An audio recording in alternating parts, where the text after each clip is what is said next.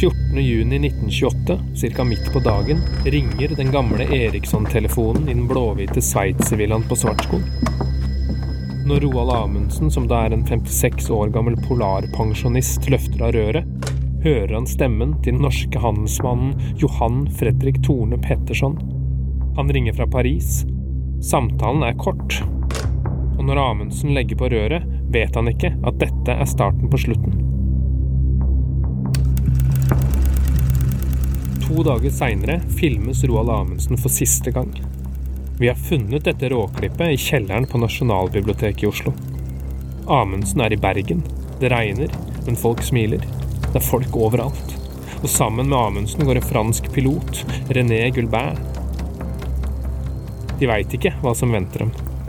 De vinker farvel, og de går om bord i en liten robåt før de ros ut til den franske flybåten Latam 4702, som ligger fortøyd litt lenger ute.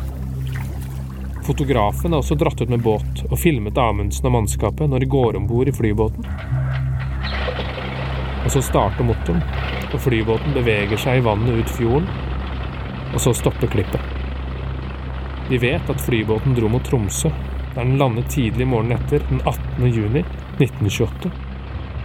Det er den siste dagen vi med sikkerhet vet at Amundsen og de fem andre i Latam 4702 var i live. Det er i dette øyeblikket denne fortellingen både starter og slutter.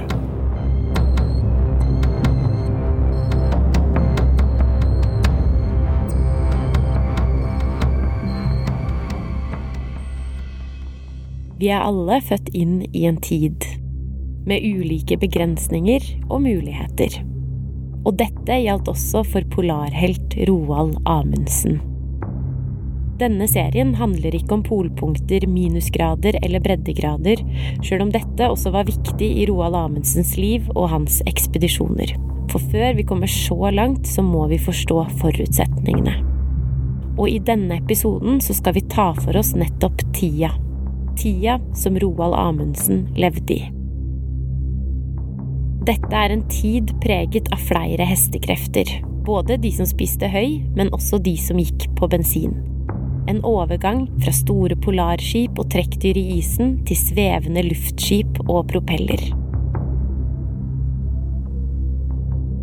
Du hører på en podkast fra Mia Museene Akershus. Jeg heter Marit og jobber med å fortelle våre kjente og ukjente historier. Og sammen med kollega og fagkonsulent Anders Bakke prøver vi å pusle sammen sammenhenger, finne ut hvor ting begynner i Roald Amundsens liv, og hvorfor. For Roald Amundsen er timingen perfekt. Han blir født inn i en verden som ennå har uoppdagede områder. Han har skuldre å stå på og muligheter ingen før han hadde. Men det var ikke gitt at han skulle bli polarfarer. Amundsen sa sjøl at det var tilfeldig, og han gjentok det flere ganger gjennom livet. Var han bare riktig person til riktig tid? Verden og Norge var annerledes for 150 år sia. Norsk skipsfart seilte i medvind. Norsk tømmer og fisk solgte godt rundt i verden. Jernbaner, veier og fyrvesen bandt landet vårt sammen.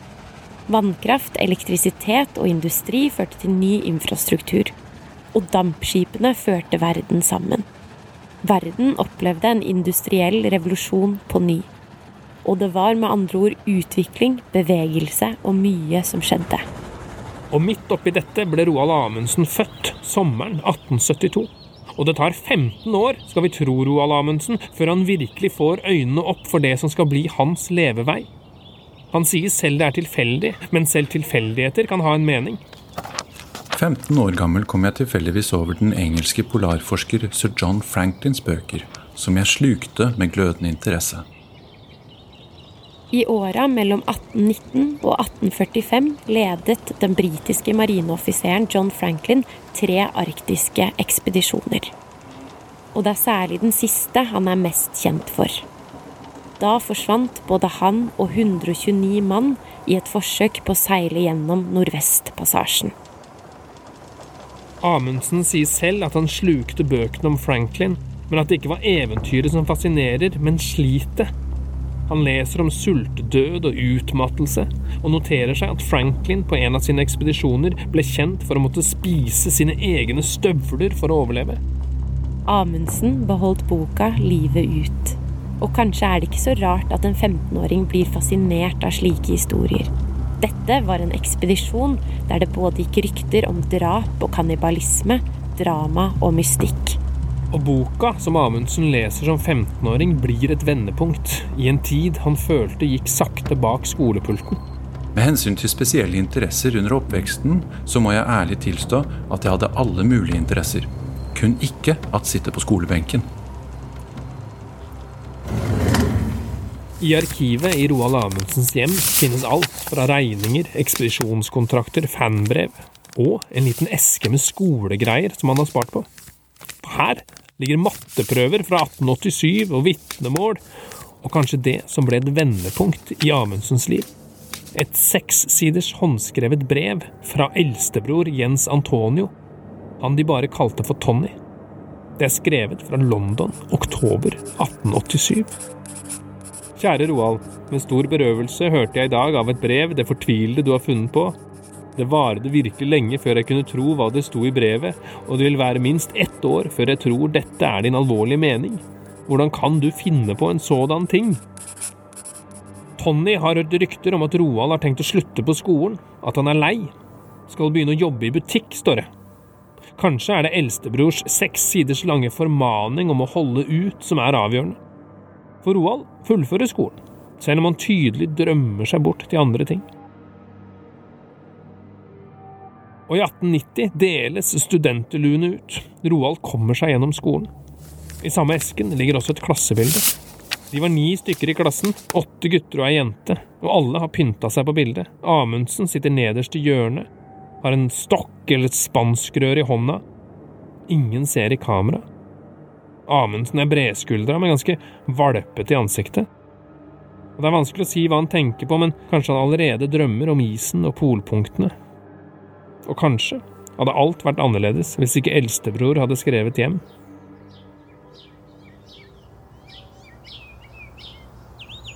Sommeren 1889 opplever den da 17 år gamle Roald Amundsen en av århundrets festdager i hovedstaden. Allerede fra tidlig om morgenen er gatene fulle av folk. Langs bryggekanten stimler folk seg sammen, og ute i fjorden ligger flaggpynta skip. På øyene og langs Oslofjorden har folk heist flagg. Det vaier rødt, hvitt og blått fra festningen. Alt til ære for Fridtjof Nansens ekspedisjon, som nå kommer hjem. Han har leda den første ekspedisjonen over Grønlands innlandsis, og de seks hjemvendte deltakerne blir Norges første polarhelter.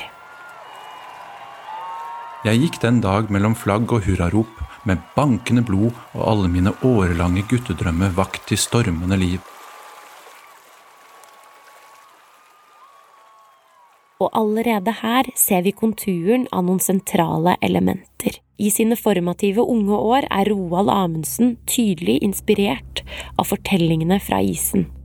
Han lar seg fascinere. Samtidig som han lever i en verden som ennå er uutforska, så lever han også i en tid som nå opplever at rekorder brytes. Utstyr, teknikker og kunnskap gjør store utviklingssteg. Og Norge opplever en nasjonal begeistring. De første polarheltene skapes. Entusiasmen og interessen bobler i en tid der flere og flere ønsker å bli et eget land.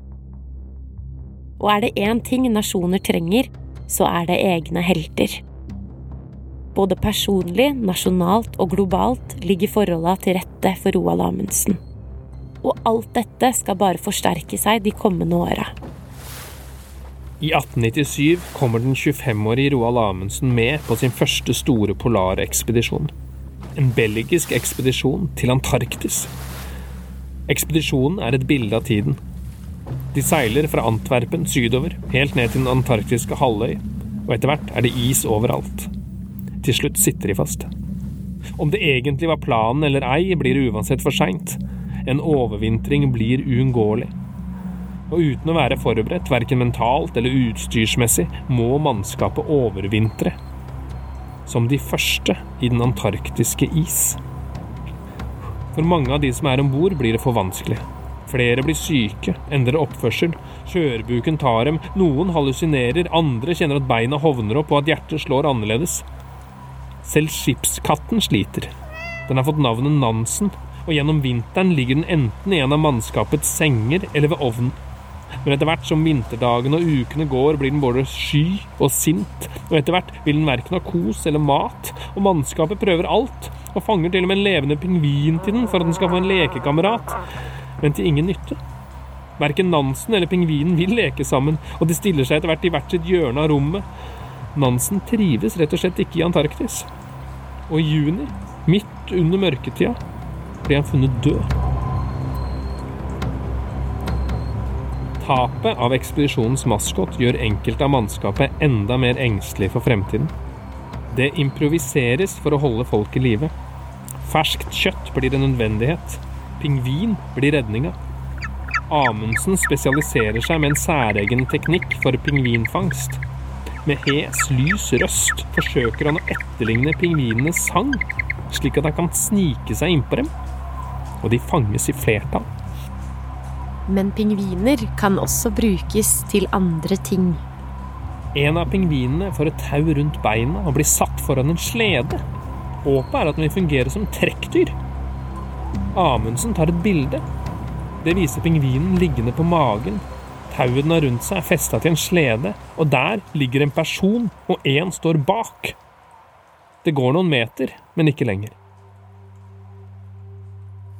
Ja, disse eksperimenterende til Amundsen er sånn uh, litt typisk for hva skal jeg si, en eksentrisk herremann. Uh, Dette er zoolog Petter Bøckmann.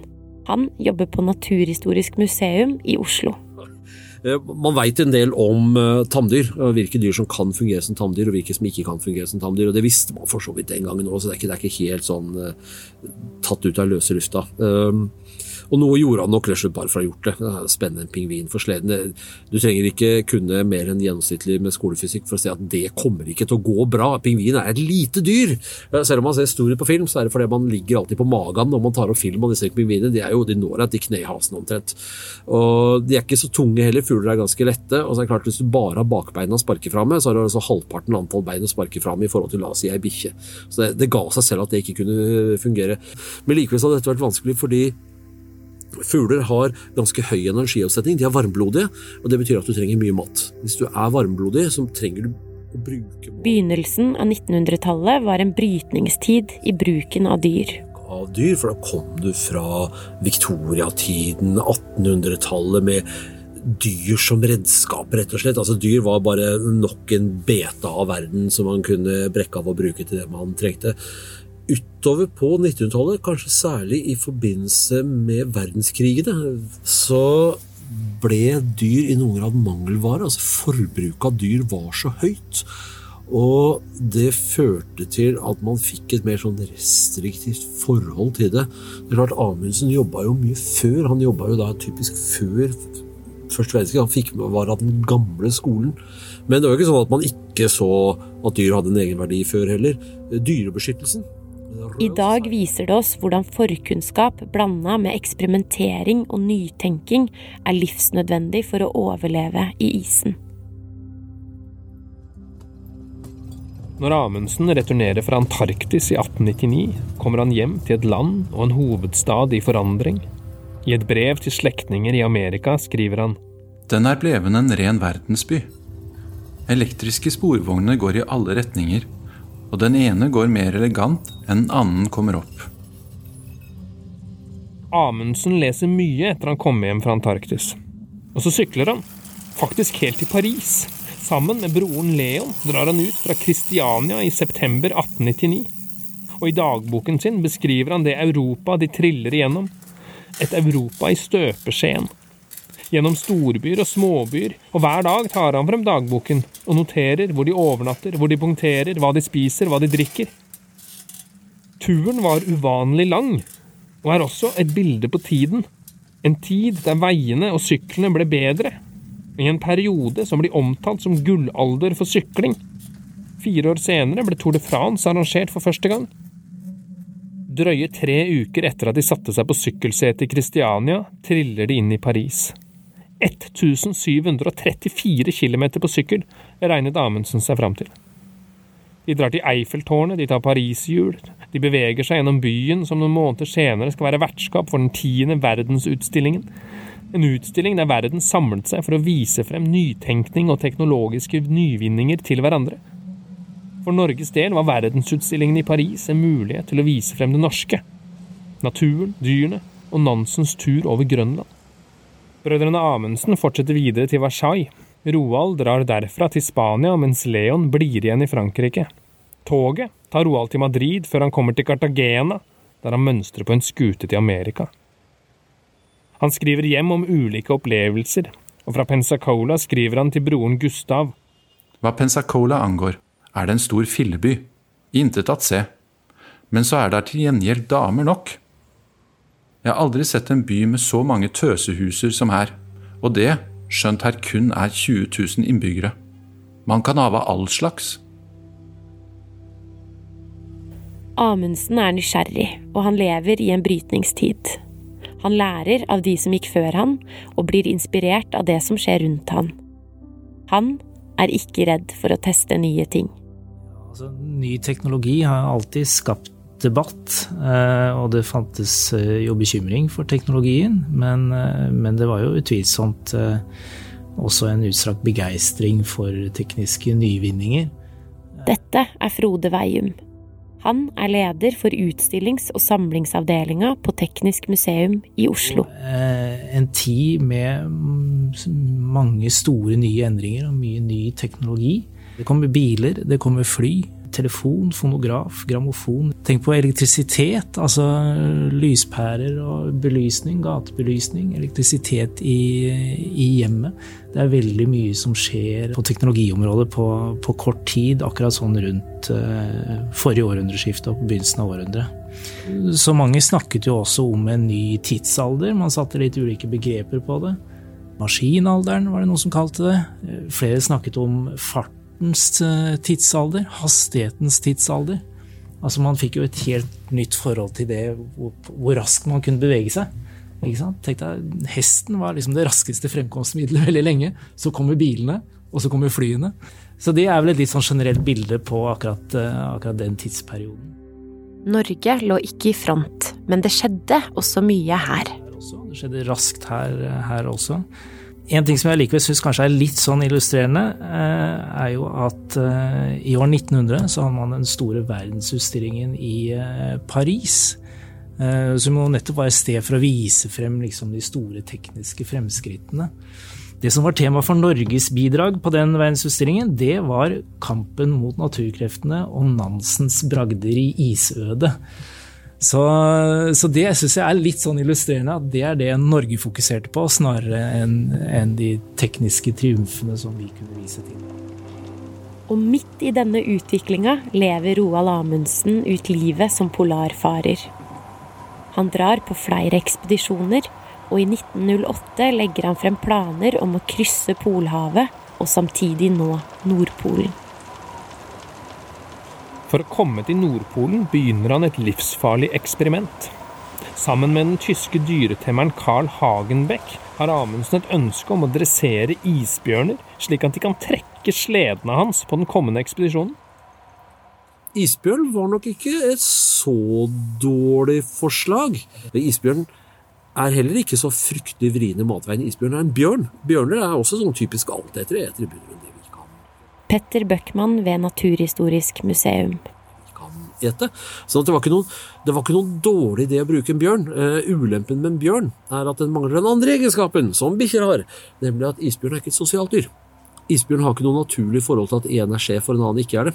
Isbjørnen eh, vil tilkjempe seg eh, sin personlige rang der den står, og det går jo da gjerne utover folk og fe, og det blir jo spist folk av isbjørn litt sånn. Hagenbeck er også optimist. Til journalistene uttaler han at det også vil være mulig å lære bjørnene å sove i telt om natta, slik at Amundsen og de andre kan ligge inne i en myk og varm isbjørnarmkrok hver natt. Det skal være mulig. Det er ikke det at det ikke er mulig å temme en isbjørn. Problemet er at det er eh, altså, Grunnen til at isbjørn aldri har vært brukt da, som, som, noe fornuftig dyr, det er at den er rett og for farlig. Og bøygen du skal komme over for å temme den, er såpass stor at gevinsten ikke er verdt det. Det er klart, Nå var Amundsen han skulle på en ekspedisjon, hadde veldig mye ressurser å sette inn på å gjøre noe som skulle være kortvarig. Han skulle ikke bygge opp en stamme av tammisbjørn eller noen sånne ting. Sånn at han, han, spilte med litt andre regler. Men det er klart, en bikkje er veldig mye enklere å ha med å gjøre, og så risikerer du ikke at bikkja spiser deg når den blir sulten.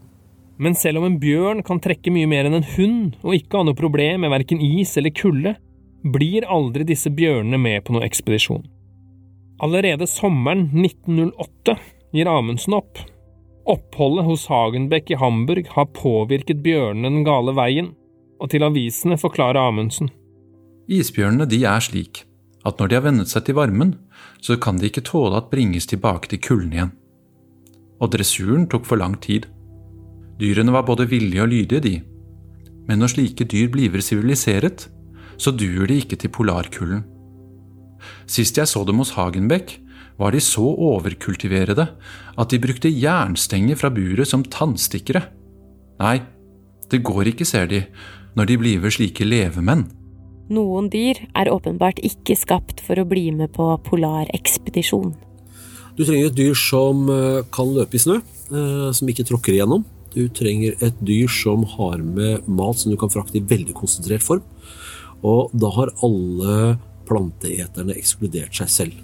Planteetere krever rett og slett for store kvanta med mat fordi det er så lite næring i høy. Høy veier jo ikke noe, men du må jo ha det med deg. Dra det med deg på en eller annen slede. Og ja, har en slede fylt med høy, og den varer ei uke, og det var den ekspedisjonen. Slutt på mat til hesten. Planteetere har også lite fettreserver for det de spiser som mager kost. Se på en antilope, f.eks. Rund og fin på midten, det er ikke det de gjør. Selve resten av dyret er jo bare tynne slintrer. Du ser på rovdyr er mye mer kompakte, ofte litt tyngre i bygningen, rett og slett fordi de eter mat som det er mer næring i.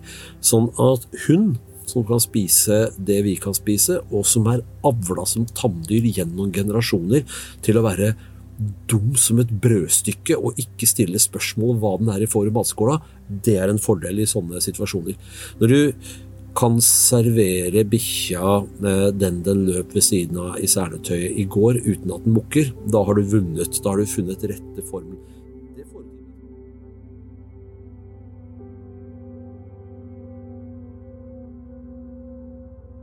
Roald Amundsen får mer suksess med hunder på sine ekspedisjoner. Han er ikke først ute med dette heller.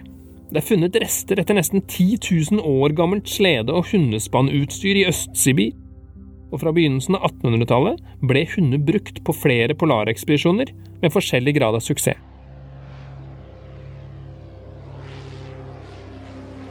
Det eksperimenteres ikke bare med hunder og isbjørner på denne tida, men andre prøver seg også med hester, taubaner, luftballonger, vindmøller og spesialbygde polarskip. Utover 1900-tallet forsøker flere og flere, med ulik grad av suksess, å mestre kunsten å fly. Frode Veium ved Teknisk museum. Brødrene Wright gjør da den første kontrollerte flyvning i 1903. Eh, Men så kommer egentlig Europa og tar mer og mer over når det gjelder eh, utviklingen av fly og luftskip. Også i polare strøk blir det eksperimentert i lufta. 25.07.1909 blir franskmannen Louis Blériot historisk. Daily Mail, den engelske avisen, hadde utlovet da en belønning på 1000 pund til den første som kunne fly eh, over den engelske kanal.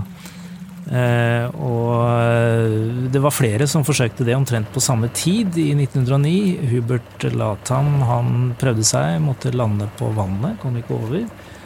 Og eh, da kan vi si at Louis Blériot smatt foran, og ble den første til å krysse kanalen eh, på 37 minutter. Og har jo blitt stående i, historiebøkene. Da jeg hørte om Berriots flukt, forsto jeg at tiden var inne til å tenke på å ta luften til hjelp i polarforskningens tjeneste. Visstnok hadde menneskelig kraft og snille underlagt seg uhyre områder av det store, ukjente hvite. Men uhyre områder sto ennå igjen. Områder som en kanskje nå skulle bli i stand til å utforske fra luften.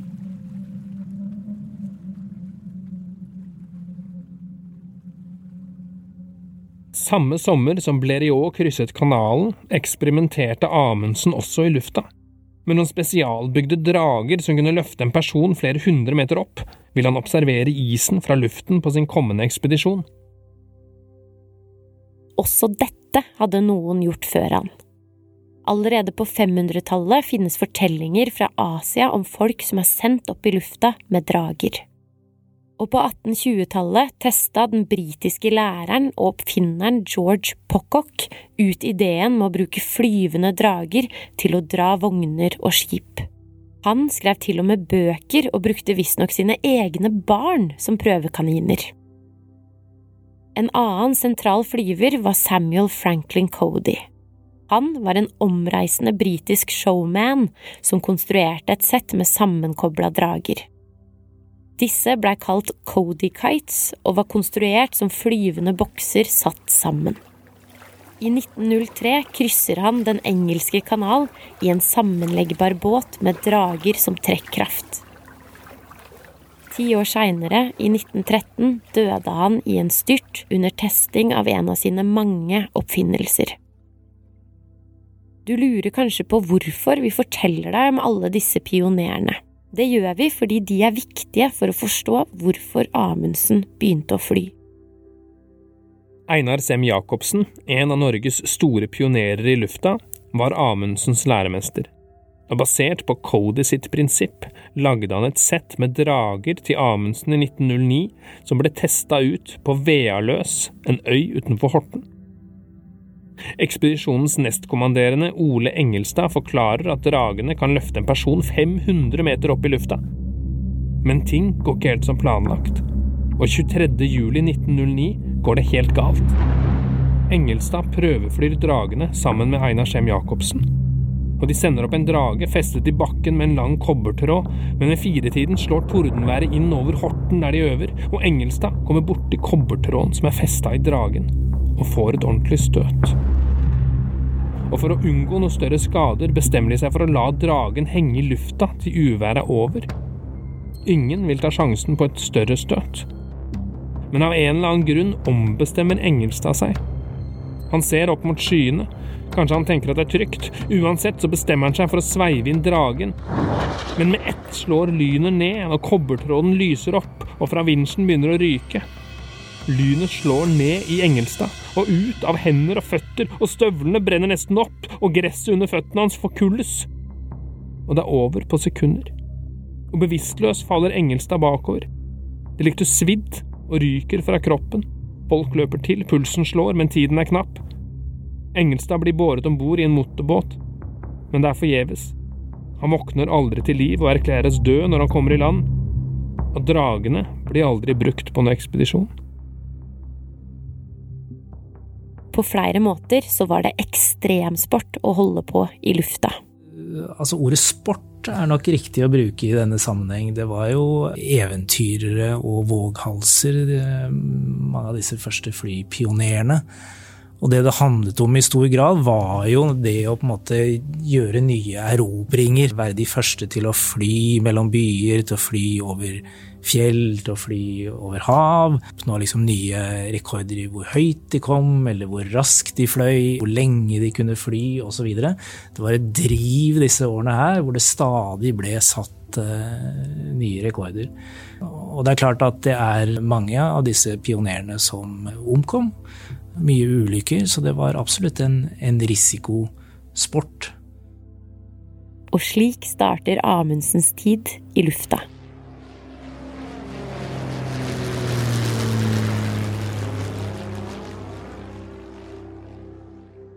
I 1913 sitter han for første gang i et fly. Ved siden av han sitter den amerikanske flygeren Silas Christoffersen. De flyr over San Francisco. Og året etter, i 1914, får Amundsen flysertifikat. Og utover 1920-tallet har han flere flyprosjekter i Arktis. Men det går ikke alltid som han håper. Flere ganger styrter og nødlander de, og i april 1922 blir det dramatisk. I en nyanskaffet Junkers Larsen-maskin skal han sammen med fire andre fly over USA, fra vestkysten til Seattle. Planen er å bruke flyet i isen lenger nord, men allerede første dag, ikke lenge etter avgang, stopper alt. Midt i lufta. Klokken halv to ettermiddag, ca. 125 mil fra Cleveland, gikk motoren. Den tredje sylinder, seg helt varm, kjørte seg fast, og den hele butikk stoppet. Vi var ca. 6000 fot oppe. Det var da intet annet å gjøre men å gli ned under stadig søken etter en landingsplass. Men det var få alternativer for å lande kontrollert. Idet vi strøk over landeveien, tok vi toppen av et tre og landet så med et fryktelig bump i bakken. På våre svære gummihjul og solide fjære tror jeg vi hoppet ti meter i været igjen.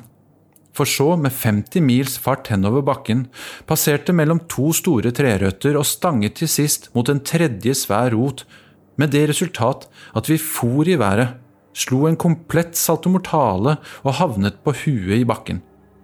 Hadde det ikke vært for den solide bygning, ville vi sikkert vært gjort kjøttkaker av.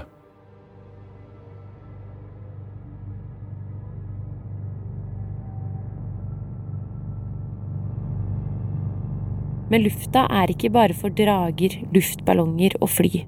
Utover 1900-tallet eksperimenteres det med noe som kanskje kan kalles en mellomting, nemlig luftskip. Flyene og de første brukbare luftskipene, stive og halvstive luftskip, altså sigarformede luftskip, de kommer omtrent samtidig. Litt forenklet sagt så er jo liksom en av de store forskjellene mellom de er jo at flyene de kan ha mye større hastighet enn luftskipene. Men luftskipene de kan være mye lenger i lufta. 12. mai 1926 svever et luftskip over Nordpolen. Klokken er 2.20 formiddag, og vi er på Nordpolen. Kaster ned våre flagg. Det norske vaiet vakkert. Stokken gikk rett ned i sneen. Isen var meget oppbrokket i små flak. Vi var 200 meter høyt, minus 11. Tåken lettet med det samme vi kom til Polen, så vi fikk den nødvendige observasjon. Og når eh, Amundsen skal krysse Nordpolen, forsøker han jo først med fly, og lykkes jo ikke med det, og forsøker etterpå med luftskip. Men det er klart at dette er jo vurderinger som han står midt oppi, da, for å si det sånn. Disse fordelene og ulempene med, med luftskip. Eh, I tillegg til at luftskipene kunne være lengre i lufta, så var de jo også tryggere i den forstand at hvis man fikk problemer med motorene, så kunne man reparere dem mens man var i lufta. Man trengte ikke å nødlande for å gjøre det. Og man kunne også antageligvis frakte mer på, eh, i et luftskip enn det man kunne gjøre. Etter turen til Nordpolen i 1926 legger han opp. Roald Amundsen pensjonerer seg som polfarer. Da jeg var en ung mann, bestemte jeg meg til at nå klodens to poler og gjennomreise nordvest- og nordostpassasjen. Nå er disse ting gjort. En ny slekt kan fortsette. Året etter ekspedisjonen blir han spurt av journalister hva han synes om utviklingen.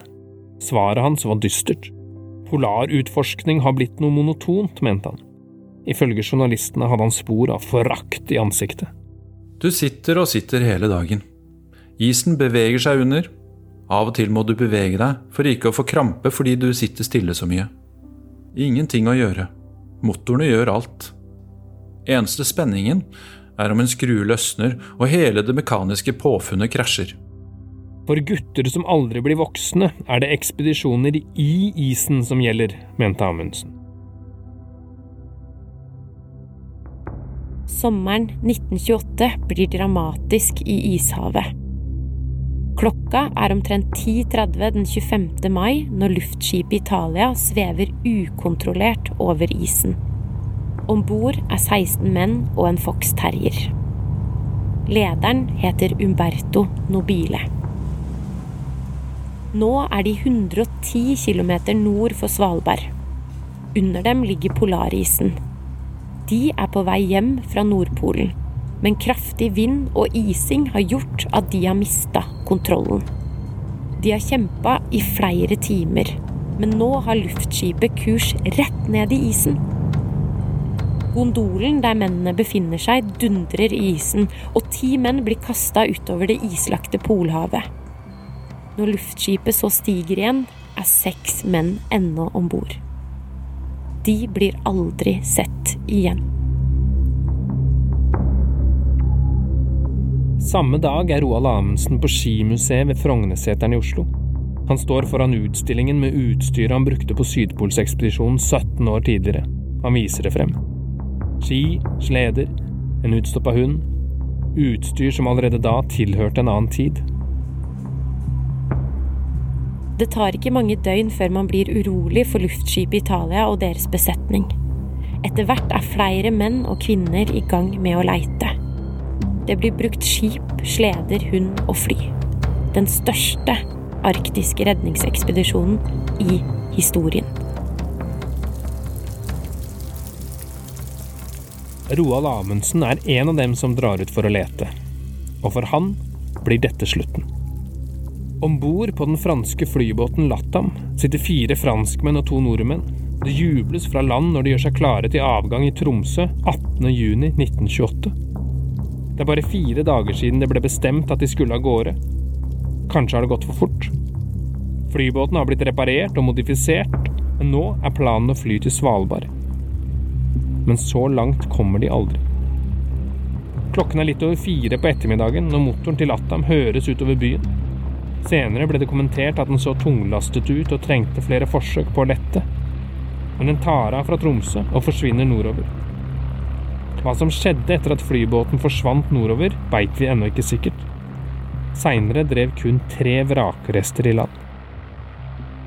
Tida Amundsen levde i og utviklinga han var med på, blei både starten og slutten på livet hans i isen.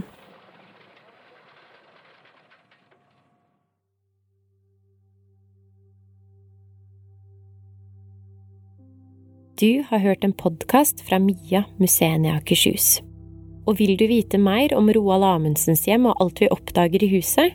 Følg oss på Instagram, Facebook og sjekk ut den innholdsrike nettsida vår. Og likte du det du hørte, da må du gjerne tipse en venn eller fem. I denne episoden har Anders Bakke og Marit Gjermundrød gjort research, intervjuer, manus, klipp og lyd. Sitatene fra Roald Amundsen er lest av Jonas Nordby.